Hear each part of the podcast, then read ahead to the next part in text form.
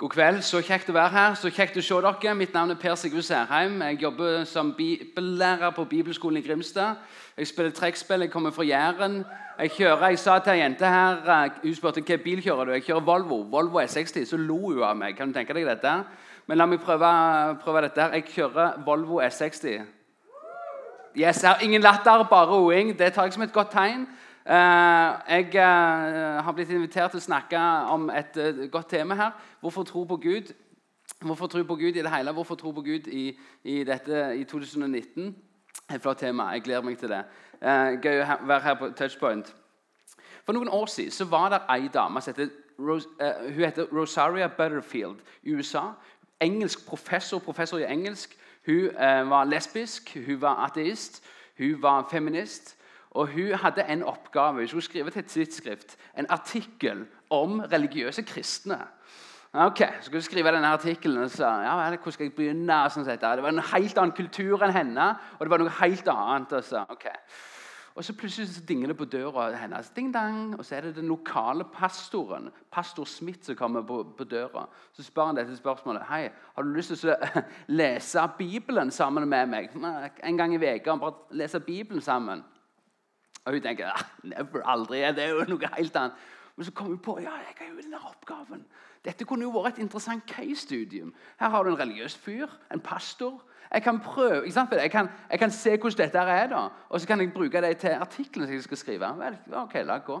Så Hun kobler seg opp med denne pastoren hver en gang i uka. Så møtes de hjemme hos han til å lese, Bibelen, lese Bibelen sammen.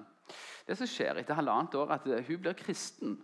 Og Det er tre ting som, som, som skjer. En, hun begynner, Først kan vi tenke at dette er den dummeste boka som fins i verden. Og Så begynner hun å få stille sine spørsmål. lese den som dette. Dette er faktisk, ja, ok, det er ikke så dumt som jeg trodde. Ja, ok, Det er faktisk ikke så halvgale, noe av dette. Wow, dette er faktisk veldig bra. Altså, det går den prosessen der. Nummer to, Hun blir møtt av en enorm sånn der varm De får spise middag sammen og, og blir møtt med en enorm gjestfrihet. Og nummer tre, hun får hun får møtt Gud. Og dette, det mest, dette, kommer dere til å syke. For det som får henne til å bli kristen, til å si ja takk, jeg vil ha noe med Gud å gjøre, er dette her. Hun sier at det er ingen annen livssyn, ingen annen religion som har så for, god forståelse for ondskapen i verden som kristendommen. Så For henne er det rett og slett det som Bibelen sier om synd. Så tenker jeg ja, dette er så bra. Dette er sant. Og det, er ofte ikke det som får folk til å bli kristne, men det var det i hennes tilfelle. Så Hun skriver en bok som, heter, som er biografi for hennes liv, som heter 'The Most Unlikely Convert'. Det som folk vil fortelle deg, er, Hvis folk skal bli, begynne å tro på Gud og bli kristne, sånn så er det ofte tre ting som må på plass. En, intellektuelle må på plass. Du må tro at dette her er, gir mening. Dette, dette, kan jeg gå for. Dette er ikke dumt, men det er, det er liksom smart. Hjertet kan ikke tro på noe som hodet finner ufornuftig eller eh, ikke mulig. Du må tenke at dette her gir mening. Så Det intellektuelle det må på plass. Nummer to det sosiale. Du må ha en sosial faktor. Det vil si, du må ha en person eller en gruppe mennesker eller en sammenheng som du tenker vel, Hvis jeg skulle blitt en kristen, så ville jeg blitt sånn som han. Hvis jeg skulle vært en kristen, litt mer i kirka, så ville jeg blitt med i den der kirka. Jeg, jeg, jeg sier ikke at alle kristne er bra, det er mye rart igjen. Men han der er ikke så gal. Hun der sånn kunne jeg gjerne vært. Så det må være en intellektuell faktor, det er en sosial faktor, og til slutt en personlig faktor. Det, slett, du må møte Gud. Du må, du må få et, et, møte med Gud, du må få tillit til dine synder osv. Så, videre.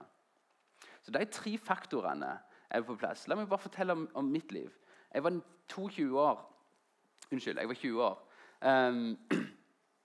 Jeg, hadde, jeg, kom fra Jæren, en liten plass etter Klepp.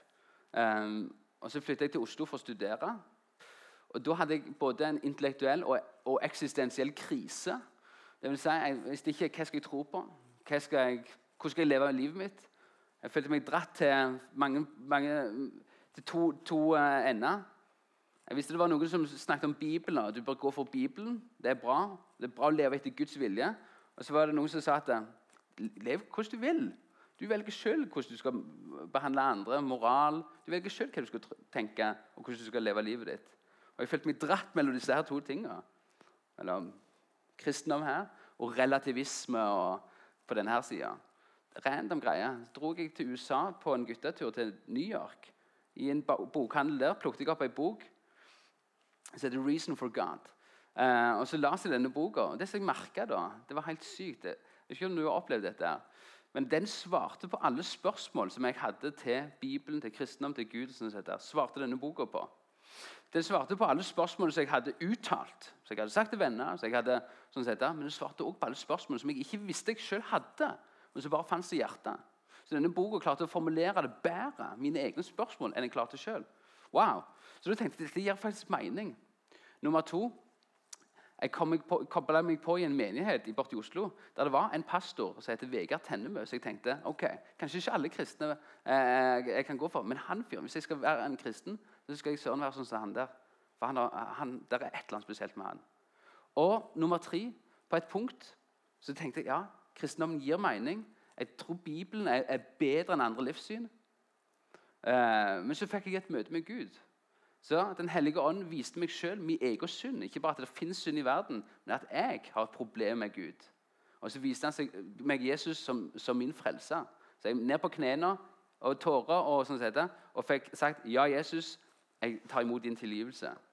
Så Der òg var det det samme. Du må ha en intellektuell, du må tenke at dette gir mening. To, du må ha en sosial. Du må ha noen som du tenker ja, jeg, jeg kunne gjerne vært en sånn som det menneske. Og nummer tre, du må ha et møte med Gud. Ok, så Det som jeg tenkte jeg skulle gjøre for dere nå, de siste 20 minutter, er å gi dere noen intellektuelle grunner for å tro på Gud. Så Det, sosiale det jeg har jeg stort eh, tiltro til at Touchpoint vil gi dere. Det virker som et godt fellesskap her. Og det personlige møtet med Gud det er jo for Gud sjøl bare å ordne. Eh, sånn Men jeg kan gi dere noen intellektuelle grunner for å tro på Gud. Ok, Er dere klar for dette? eller? Det som de fleste tenker, er at eh, det som får folk til, til, å begynne å vurdere kristendom, er at en merker dette. her. Det krever mer tro, mer mengde tro, større tro om du vil, for å tvile på kristendommen enn for å tro på kristendommen. Du må ha mer tro eh, for å tvile på kristendommen enn for å tro på kristendommen. La meg bare gi to eksempler på dette. her. Det er en vanlig innvending som går sånn sett der. Hvordan kan en god, allmektig Gud tillate lidelse? Sant? En har gjerne hørt Det det ondes problem. Men når en begynner å tenke på dette, så tenker en hvorfor vil jeg, vil jeg, at verden skal være, ikke ha lidelse? Hvorfor er det et problem at det, det finnes lidelse i verden? Så begynner en å tenke det må finnes noe som heter universell eh, ondskap. Noe som bare er ondt. Ha, finnes det det? Men da finnes det kanskje også noe som er godt. da. Så merker en at ha, hvis jeg skal ha denne tvilen, hvis jeg skal gi denne innvendinga, så krever det også at jeg tror faktisk på en stor ting universell ondskap. C.S. Lewis han, han ble, Grunnen til at han ble, ble ateist, var på grunn av at han så på verden så tenkte han, dette er så random. Dette er så tilfeldig. Det er ingen orden her. Jeg ser på naturen og sånn sett, Det gir ikke noe mening at det er noen som står bak. For det er, det er for grusomt. Det er for mye død. og sånn sett. Etter ganske mange år han hadde blitt pusha av sin gode venn tolken, og så, så, videre, så begynner han å tenke på sånn Men hvor er det jeg har fått denne tanken om at verden skal være god, at verden burde være bedre. Hvor, hvor har jeg den ideen ifra? Så Han ser, ser, på verden. Jeg liker ikke det jeg ser. Men så tenker han hva er det jeg måler verden opp mot? Så tenker han, ok, Det krever faktisk mer tro å tvile på kristendom enn å tro på kristendommen. Eller den andre her.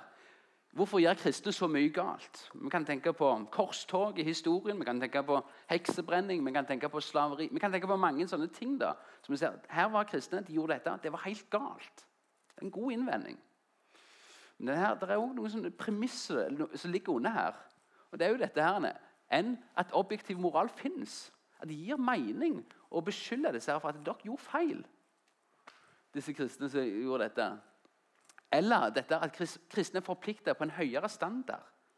Så egentlig er dette, vi ser dette, ok, Det krever faktisk mer tro for å tvile på kristendom enn for å tro på kristendom. Så Jeg tenkte jeg skulle gi dere åtte grunner for å tro på Gud. Eh, og det, det, rekker vi. Eh, klar, ferdig, gå nå. Første. Det kalles det kosmologiske gudsargument. Dette er litt sånn fancy, men det er superkult. Men det er veldig enkelt, egentlig. Og det går rett og slett sånn sett. Premiss 1.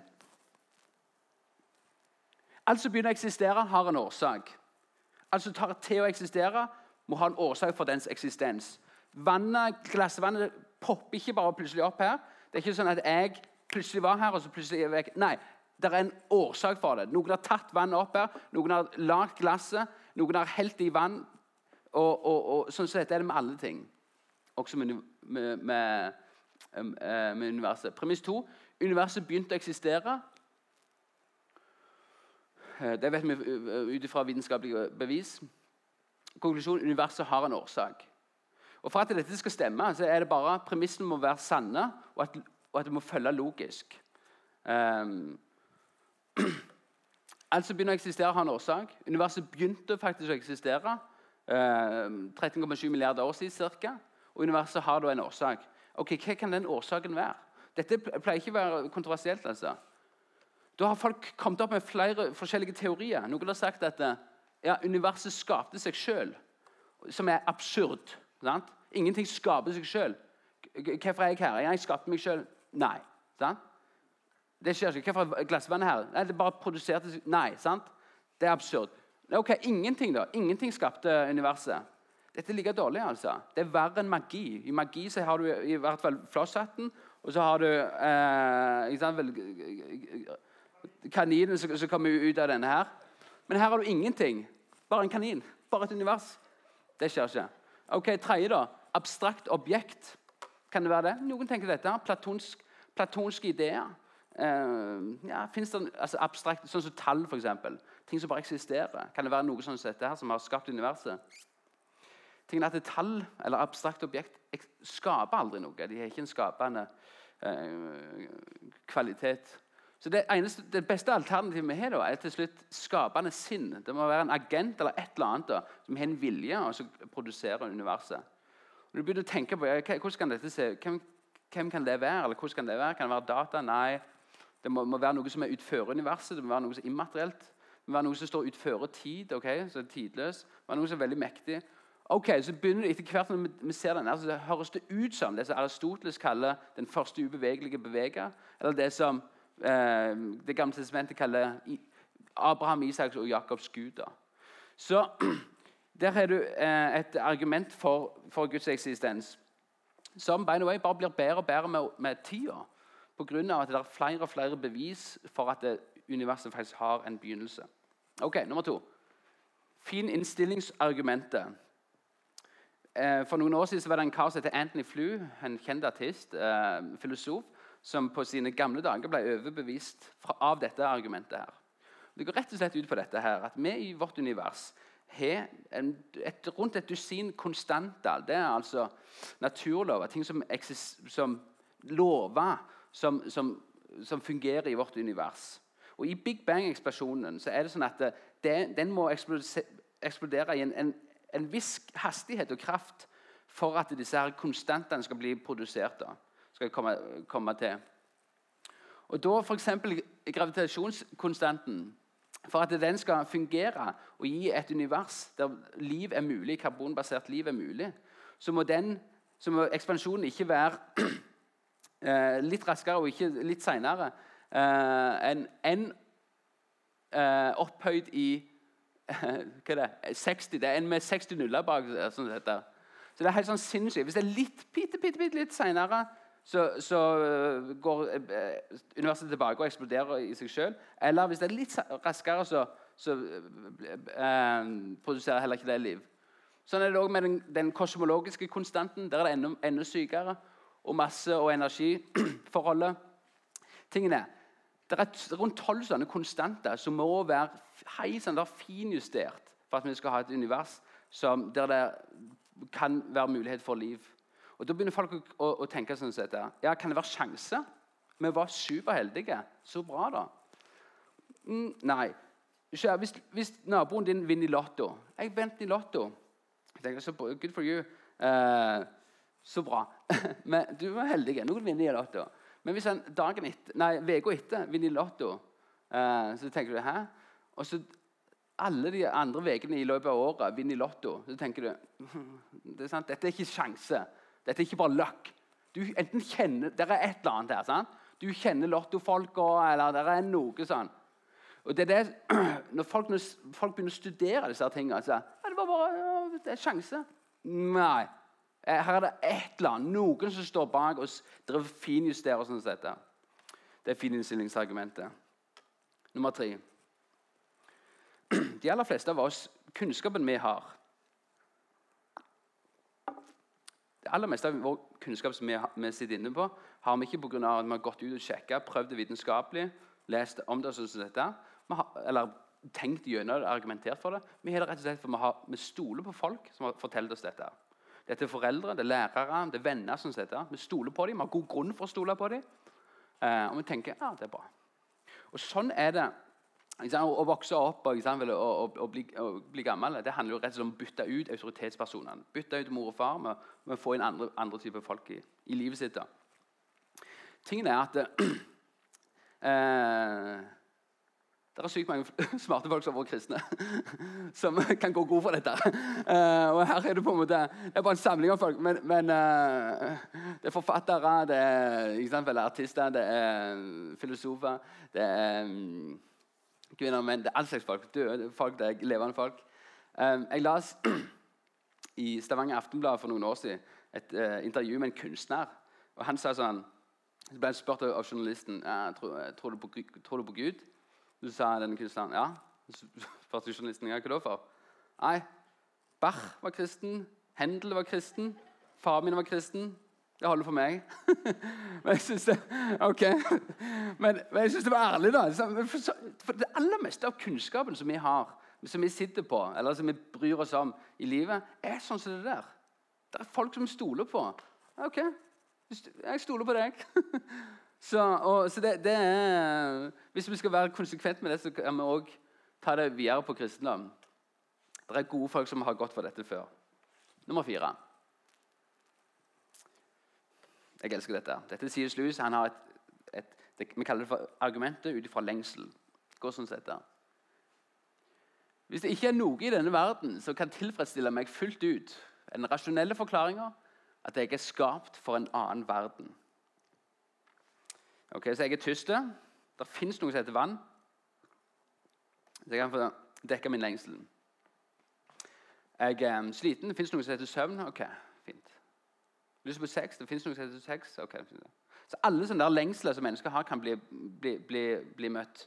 Ah, men mennesker har mye mer lengsel enn dette. Og både Freud og, og han, han, snakker om dette, Karl Marx snakker også om dette. Det er akkurat som menneskene er på en måte ikke hjemme i denne verden her, da. Um, er den beste forklaringa at den er skapt for en annen verden. Hvis det er ingenting som fullstendig kan um, dekke den lengselen i denne verden, er den beste forklaringa at vi er skapt for en annen, eller vi er meint til å være fra en annen verden. Forkynneren i Bibelen han sier sånn sett at Gud, du har lagt evigheten inn i våre hjerter. Sankt Augustin han sier det sånn sett her. Gud, du har skapt oss for, for deg sjøl, og våre hjerter er rastløse inntil det finner hvile i deg. Nummer fem.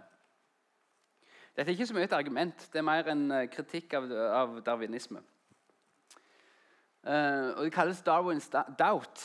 Og dette er, det er noe som Darwin sjøl er helt, er helt uh, åpen om. Han skriver det i 'Origin of the Species'. så skriver han dette her. Og han tenker seg at, at ja, ok, sant, dette er tidlig på 1900-tallet. Om 20-30 år så vil dette her antagelig være svart på. Så, men Han bare putter det inn i boka si. Så, ok, Men, men en vil sikkert finne et godt svar på dette. Det, det, har vi ikke. altså. Kan man stole på hjernen om darwinisme når vi vet at den er utviklet av hjernen til enkle organismer?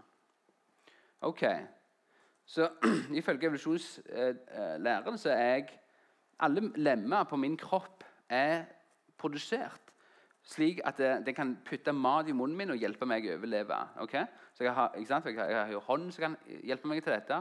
Jeg har føtter som kan hjelpe meg til dette. Også hjernen. sant? Hjernen er produsert for å hjelpe meg å overleve. Hva som er sant, er egentlig helt likegyldig. Det er egentlig ikke viktig for hjernen. Eneste hjernen er opptatt av at det får meg til å overleve. Det er jo spørsmålet. Vel, hjernen har, våre hjerner har produsert evolusjonsteorien. kan vi da, kan vi da eh, stole på denne her? Det eneste denne her vil, vil gjøre, er å, å, få oss til å overleve. eh, kan vi da stole på den om sannhet om verden slik den virkelig er. Så det er, er en svakhet, det er et hull akkurat der. Hvis du skal være hvis evolusjonsteorien er det eneste du har, så har du dessverre et lavt syn på menneskelig rasjonalitet. Er du kristen, eller følger du Bibelen derimot, og så tror du at hjernen er produsert av Gud og ligner også på Gud, det er skapt i Guds bilde, så du kan ha et veldig høyt syn på menneskelig rasjonalitet. Så jeg uh, uh, Det er ikke så mye et argument, det er bare en, en, en kritikk. Ja. Nummer seks. Oppstandelsen fra de døde. Der er et eh, Mange av disse tingene er, sånn der, er, er, argument for det kan være argument for flere religioner flere, og flere filosofier. Men dette her er på en måte spesifikt kristent. da. Så det som Forskere sier at hvis du legger, legger sammen disse her faktaene, um, så er den beste forklaringen på det at Jesus sto opp for de døde. Og det syke med dette er at Forskere, dette er ateister, jøder, agnostikere, kristne, er enige, er faktisk enige om at disse tingene skjedde. Men det som er uenige om, er sammenhengen. Ja. Jesus døde. Dette er ingen som tviler på. Det er, det er, en, det er en, øh, en, en, offentlig hendelse så det er vanskelig å, å, tvile på. Og det er såpass godt dokumentert. Jesus ble lagt i en grav. Det er heller, heller ingen, ingen som tviler på, pga. at den graven tilhører Josef av Armathea. Det var en, en, jødisk, øh, en, slags jødisk helt. Så det ville være rart å lyge om det i, i kildene. Jesu grav ble funnet tom. Det er det heller ingen som tviler på pga. at denne grava lå offentlig i Jerusalem på den tida. Så det var lett for folk å sjekke om dette var sant eller ikke. Nummer fire. Disiplene opplevde å møte Jesus. Det interessante her er at Dette er det heller ikke folk som tviler på. Det er et tilfelle, dette vet vi fra psykologien, at hvis du er veldig glad i en person, f.eks. et gift par, eh, så dør kona, så vil mannen oppleve å se synet av denne kona etter hun er død. Høre stemme eller se ja. Så Det forekommer. Men ting, som, ting vi vet, er at det skjer aldri felles. At flere folk har det samme synet. Det skjer heller ikke gjentagende. Så det som har, er at flere av disiplene, flere, opp, opp, mot 500 eh, på, på en gang sier at de har møtt Jesus, den oppstandende Jesus. Og til slutt, nummer fem, Disiplene begynte å tro på oppstandelsen eh, og endre livet sitt pga. dette. her. Jeg ikke om du har, men ta, Les gjerne evangeliet, et, et evangelie og, og, og, se på dette. Disiplene før og etter oppstandelsen. Hvor enorm endring det er i deres personlighet eller karakter. karakter da. Før oppstandelsen så er de sånn der Hei, Jesus. Hvem skal sitte ved siden av deg når du kommer til himmelen? Hvem er din beste av oss? Og, sånt og han er bare sånn, dere er så far off. Mens etter oppstandelsen så er det sånn Jeg er villig til å dø for deg. Alle gjør det. mest Bortimot alle disiplene dør for han. Så det er en sånn enorm endring i deres karakter. da.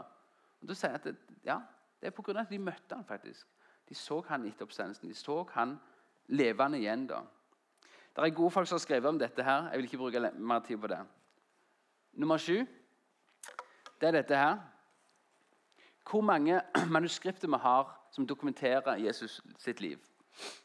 Et, et manuskript det kan være alt fra ei, ei bok, ei gammel bok, altså, eller et ark, som dette, eller bare en liten bit av et ark. Så ifra Platon så har vi 210 Eh, men så er det klart det er ingen som tviler på at han skrev de tingene han skrev. Men vi har 210 altså, manuskripter fra han. For Homer så har vi litt flere. 1757 eh, manuskript. Men ingen som tviler på at Homer egentlig skrev Iliaden osv. Fra Jesus Se på dette. da. 27 500. Dette er sykt. Noen av de er på gresk, noen av de er på, på latin, noen av de er på, på arameisk osv. Men det er bare helt ekstremt, altså. Vi har så mange manuskript, og noen av disse her kan du sjøl se. Dra til Neste gang du er i London på fotballtur eller på shopping, ta innom British Library. Dette er gratis. Så kan du se fantastiske utgaver av Nytestamentet fra 400- og fra 300-tallet. Som er sånn der, helt enormt, altså. Så vi har så enormt mange manuskript om Jesus sitt liv. Så, så, jeg, til slutt må vi begynne å tenke på ok, Hvis jeg tviler på at han levde, eller at, eller at uh, han gjorde disse tingene, hva er det som uh, fører eller driver den tvilen? Er det fakta, eller er det egentlig meg sjøl? La meg spørre, deg, spørre dere dette. her. Hvor mange av dere tror at det sto et slag på Stiklestad for rundt 1000 år siden? Opp med hånden. Er bra. Det er mest alle. Det er en del som har litt sånn sunn skepsis. Det setter jeg pris på. Men uh, ok, så en, en uh, god majoritet her tror at det fantes et slag på, på Stiklestad for rundt 1000 år, år, siden. Ja, Hvor mange kilder har vi fra det slaget? To. Og to. Det er Snorre, og så det er en annen dude. Allikevel er det ingen av oss som, som våger å, tvile på dette. Nei, det skjedde jo. An, dette vet vi jo fra, fra skole. eller sånn sett. To 20 7000. Er du med? Så, 1000 år tidligere og, til og med. Dette er så sykt, altså. En annen fun ting. Dette er litt, litt det samme. Ikke bare har vi ekstremt mange manuskript. Har, det er svært eh, med, med, data vi har på Jesus sitt liv. Men de er òg gode. Det handler rett og slett om at de, de er tidlige. Det som denne grafen viser, er fra når en historisk person levde, og den tidligste skriftlige kilde vi har fra den personen. Altså Når en person levde Aristoteles her oppe han levde på 300-tallet. Og den tidligste skriftlige kilde vi har fra han Vi har en del, men det, men det, tingene, dette, det er ganske seint. Det er fra 800-tallet etter Kristus. Så det er altså, Hva er dette? 8, 8, 1100 år fra når han levde, til den tidligste kilden vi har om hans liv. Tenk så mye som kunne ha skjedd på de 1100 åra. Eller ta Platon, da. Han levde litt tidligere. Samme opplegget. 1200 år. Homer, opp, samme opplegget. Han er 800 år før Kristus. Den tidligste kilden vi har fra han, er jo gammel, da, fra 400-tallet. Men det, det, det, kunne ha skjedd så mye på de åra. Cæsar, da begynner det å komme seg. Da er det liksom bare 800 år. Og så ser du disse her Titus Livius og Plinius. Det er altså romerske historieskrivere. Så De levde på rundt samtidig som Jesus, år null. Men de tidligste greiene vi har for dem, er 400-tallet. Så det er 400 år der. Når du kommer til Jesus, så er det, han lever altså rundt år 0 til rundt år 33. Og De tidligste tingene vi har fra Jesus, er det tidligste vi har i Paulus sine brev, de er fra 50-60-tallet. Evangeliene Markus er fra 60-tallet. Eh, Matteus og, og Lukas er fra 70-tallet, og Johannes det er det siste, det er fra 90-tallet. Så alt er innen 20 60 år etter hans tid. Eh, er det skrevet. Forskere tvilte lenge på dette her. Um, og tenkte nei, nei, nei, det må være skrevet mye senere. Helt til vi fant og det har vi faktisk i Oslo en liten bit. Den er ikke større enn en sånn dette her. liten bit fra Johannes-evangeliet fra år 120. Det er helt sykt. Så vi sitter faktisk, Ikke bare har vi enormt mange manuskript, men de er gamle. Så vi kan med stor eh, confidence si at ja, Jesus har levd, og vi kan stole på hva de, disse herrene, eh, Nytestamentet sier om ham. Ok, Da har du sju grunner. Det siste grunnen som jeg vil gi deg, det er dette her. Jeg kan gi deg gode grunner, men alt dette er sannsynlighetsgreier. Det gir god grunn til å tro på Gud. Det, gir, det er stor sannsynlighet men jeg, jeg, kan ikke gi deg et sånn vanntett, bulletproof eh. Men det som jeg kan gi deg, det er en vanntett, bulletproof person. Eh, eh, og Hvis du har blitt kjent med en person, så er det sånn der, hva mer argument trenger jeg?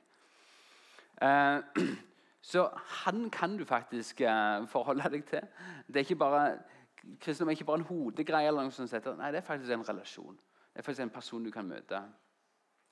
Så jeg, eh, jeg vil si dette her til deg. Jeg vet ikke, Det er alltid litt sånn forskjellig. Kanskje, kanskje, har du vært Jo, jeg, jeg, jeg, tror dette er fornuftig. Jo, jeg, har, har, truffet folk, og jeg, er med i en fellesskap. Og ja, jeg har faktisk møtt Gud. Eller kanskje er du Det trenger ikke være den rekkefølgen heller. Eller kanskje har du, har du ikke alle disse tingene på plass. Men jeg vil bare oppfordre deg til Nå skal, ha, skal det være forbønn her bak. Hvis det er sånn at du, du øh, tenker ja, jeg tror dette er fornuftig, og sånn dette, gå til forbønn. Og så, og så sier sånn sett der, Bank på, på Gud og sier Gud, hvis du finnes, la meg møte deg. Smak og kjenn at Herren er god. Gud sier ja, du kan faktisk erfare meg. Jeg er ikke bare en teori, jeg er bare noe hode. Jeg, er- jeg er en person du kan møte. Så kan, Du kan be sånn sett alene, men det er ganske god hjelp å få, for, for, å, å få hjelp til dette med noen, til å gå til forbønn.